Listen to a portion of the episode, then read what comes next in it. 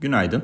Ee, dün uluslararası piyasalar tarafına baktığımızda e, ilk önce öne çıkan nokta Fed'in e, Kasım ayı toplantı tutanakları oldu. E, beklentimize paralel bir şekilde tutanaklarda daha hızlı sonlanabilecek bir varlık alım programından bahsediliyor. Bu da artık zaten piyasada da bolca konuşulduğu için farklı FED üyelerinin de dile getirdiği için e, fiyatlamaları birebir etkilemezken e, ikinci nokta biraz daha önemli oldu. E, bu da e, varlık alım programını bitirdikten sonra akabinde e, faiz artışı yapabileceğine dair e, bazı tartışmalar e, bulunması. Şimdi bu şu demek oluyor. E, piyasanın e, 2022'nin ilk yarısında e, Fed'den bir e, faiz artışı gelebileceğini fiyatlamasına neden oluyor. E, zaten e, bu ikinci noktadan sonra vadeli piyasalarda faiz artışı süreçleriyle ilgili olan olasılıklara baktığımızda Mayıs ayında yapılacak ilk artış için %50'den daha düşük olan olasılığın %65 seviyesine yükseldiği görülüyor. Bu önemli bir gelişme oldu. E, bir üçüncü noktada e, artık bu geçici tanımında yavaş yavaş yumuşama seziyoruz.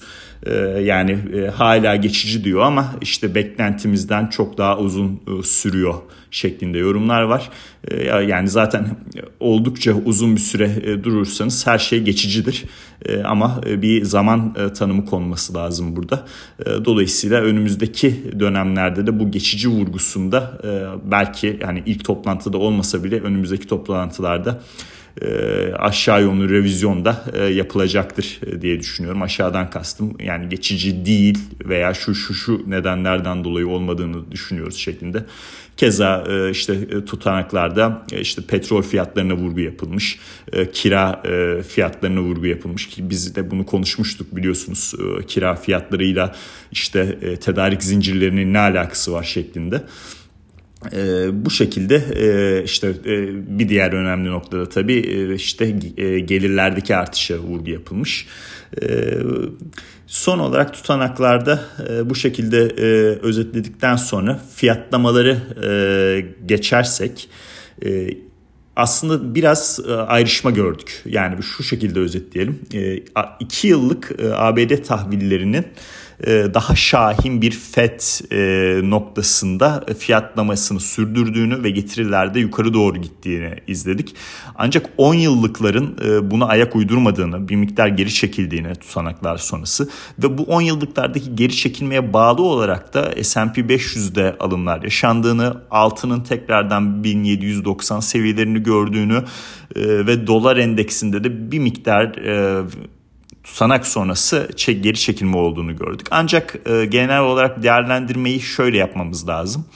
E, biliyorsunuz bugün Şükran günü e, ve piyasalarda hacimler oldukça az. E, dün de e, açıkçası 2 yıllığın doğru fiyatlama yaptığını ama 10 yıllığın e, S&P 500'ün ki keza S&P 500 hacmine baktığımızda e, ufaktan bir yükseliş yapsa da ki çok düşük bir e, seviye bu. E, hacimde azalma e, açıkçası soru işaretleri yaratıyor. E, bir miktar e, hani daha şahinleşen Fed'in e, muhtemelen yarın da olmaz ama önümüzdeki haftadan itibaren daha çok e, bu 10 e, yıllık e, hisse senedi endeksi altın ve değerli metaller kısmında öne çıkacağını bize gösteriyor. Hani o şekilde özetleyebiliriz. Diğer bir önemli gelişme bu dünkü veri setinde haftalık işsizlik başvurularının e, yani 1969'dan beri ilk defa 200 bin seviyesinin altına düşmesi. E, tabii burada bir miktar e, yani Şükran Günü haftasının da olmasının bir e, nedeni var doğru ama gene de veri oldukça güçlü. Bu şu demek oluyor eğer bu şekilde haftalık işsizlik başvurularında güçlü seyir devam ederse Aralık ayı başında göreceğimiz yani zaten muhtemelen bir hafta daha olacak e, yani bu, bu veriden sonra Aralık ayı başında göreceğimiz e, tarım dışı istihdam verisinde de yukarı yönlü bir revizyon analistler yapabilir. Şu anda 500 bin artış bekleniyor manşet rakamda. E, açıkçası iyi gelen bir veri setiyle daha olumlu noktaları gidebiliriz. E, bu da tabii e, FED tarafını e, 15 Aralık toplantısında e, daha öne çıkartacaktır. E, bu toplantıdan önce bir önemli noktada e, tüfe verisi olacak. E, işte Aralık ayında açıklanacak. O da e, toplantı öncesi. ikisi yakinen e, takip edilecek. E, Valla şöyle kısaca baktığımda e, açıkçası bugün zaten ekonomik takvimde bir şey yok. E, Şükran günü nedeniyle piyasalar tatil. E, haftaya e, iki tane önemli şirketin e, bilançosu gelecek. İşte Salesforce e, önemli burada. E, grafiğini açarsanız e, 50 günlük ortalamanın altına hafiften düşmüş durumda.